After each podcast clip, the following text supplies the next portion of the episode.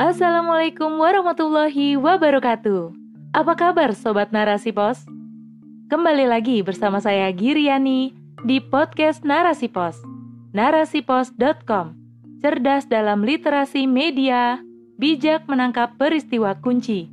Rubrik Opini.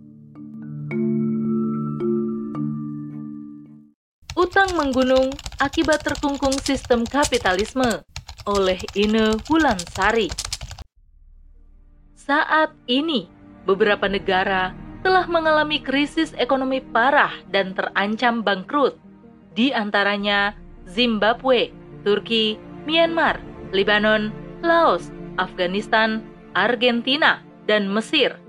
Meski Indonesia tidak termasuk di dalamnya, akan tetapi harus waspada, jangan sampai mengalami kebangkrutan. Negara-negara yang telah mengalami kebangkrutan ini salah satunya disebabkan oleh tumpukan utang yang menggunung, tak terkecuali dengan Indonesia.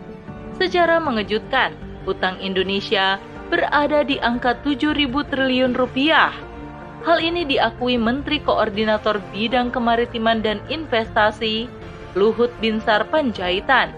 Menurutnya, meski utang Indonesia terbilang besar, angka itu jumlahnya dibayar oleh proyek-proyek yang bagus.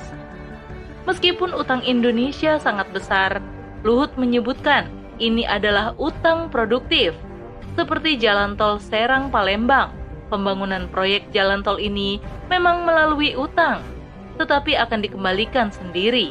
Luhut pun yakin utang tersebut dapat dibayar dengan berbagai proyek bagus, terlebih Indonesia berutang untuk membangun infrastruktur yang berkualitas. Sekilas apa yang disampaikan Menteri Menko Marves terlihat meyakinkan bahwa utang Indonesia yang menumpuk akan dapat dikembalikan melalui berbagai proyek produktif. Akan tetapi, jika dicermati dengan seksama, utang ini sesungguhnya jebakan yang merugikan Indonesia sendiri. Bagaimana tidak, bukan sekadar utang, melainkan ada bunga yang besar yang harus dibayar secara berkala Tentu, utang dan bunga ini sangat memberatkan dan menjadi beban bangsa. Bahkan, pemerintah menganggap utang yang menggunung sebagai sebuah prestasi besar, padahal utang itu tentu akan menjadi masalah. Sebab, kedaulatan negara tergadaikan dan Indonesia berada dalam cengkraman negara penguasa dunia, yakni Amerika dan Cina. Padahal, resiko terbesar dari utang luar negeri yakni pemerintah menarik utang berbunga alias ribawi. Secara pasti, hal ini merupakan perbuatan yang haram. Akan tetapi, tak dapat dimungkiri karena utang ribawi menjadi bagian tak terpisahkan dari sistem ekonomi kapitalisme yang menjadi asas perekonomian Indonesia. Hal ini menjadi bukti gagalnya dalam menyejahterakan manusia dalam sistem rusak bernama kapitalisme negara besar memangsa negara kecil. Hal ini merupakan praktik nyata yang tidak terbantahkan. Kemandirian ekonomi sangat mustahil untuk kondisi Indonesia saat ini.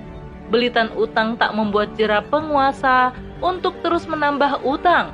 Berdalih kerjasama di bidang investasi dinilai sebagai prestasi yang menguntungkan.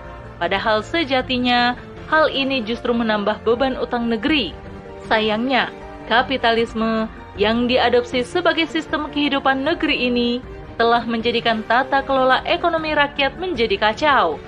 Prinsip ekonomi menitik beratkan kepada para pemodal, membuat kendali ekonomi hanya ada pada segelintir orang.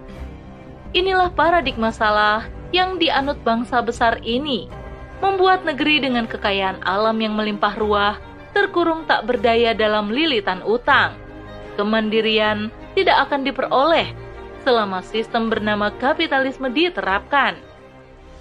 Sangat berbeda dengan Islam sebagai sebuah aturan dan sistem kehidupan yang sempurna, terbukti membawa kesejahteraan bagi seluruh umat manusia. Islam memiliki sistem ekonomi yang bersifat mandiri, jauh dari intervensi. Islam mempunyai pandangan untuk menjadi negara adidaya dan diperhitungkan dalam dunia perpolitikan internasional haruslah terbebas dari dikte negara mana pun. Artinya, negara tidak boleh berutang hanya untuk membangun infrastruktur, meskipun demi kepentingan rakyat.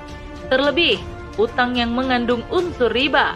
Sebagaimana sabda Nabi Shallallahu Alaihi Wasallam, dosa riba terdiri dari 72 pintu. Dosa riba yang paling ringan adalah bagaikan seorang anak laki-laki yang menzinai ibu kandungnya. Hadis riwayat atau beroni. Untuk itu, kepala negara dalam Islam akan memaksimalkan pemasukan dari pos-pos pendapatan negara, di antaranya fa'i, ghanimah, jizyah, anfal, dan horoj. Selain itu, ada pemasukan dari hak milik umum dengan berbagai macam bentuknya, juga pemasukan hak milik negara berupa usyur, humus, rikas, dan tambang. Dengan mekanisme inilah, kepala negara membangun infrastruktur, menggalakkan eksplorasi, menstimulus berbagai inovasi, menjadi negara industri, hingga menjadi negara tangguh yang disegani negara-negara dunia lainnya.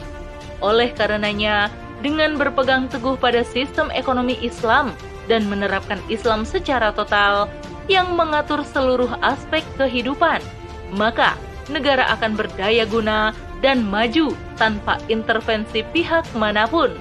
Mengelola pendapatan yang diatur secara mandiri oleh negara akan membawa kemaslahatan bagi masyarakat.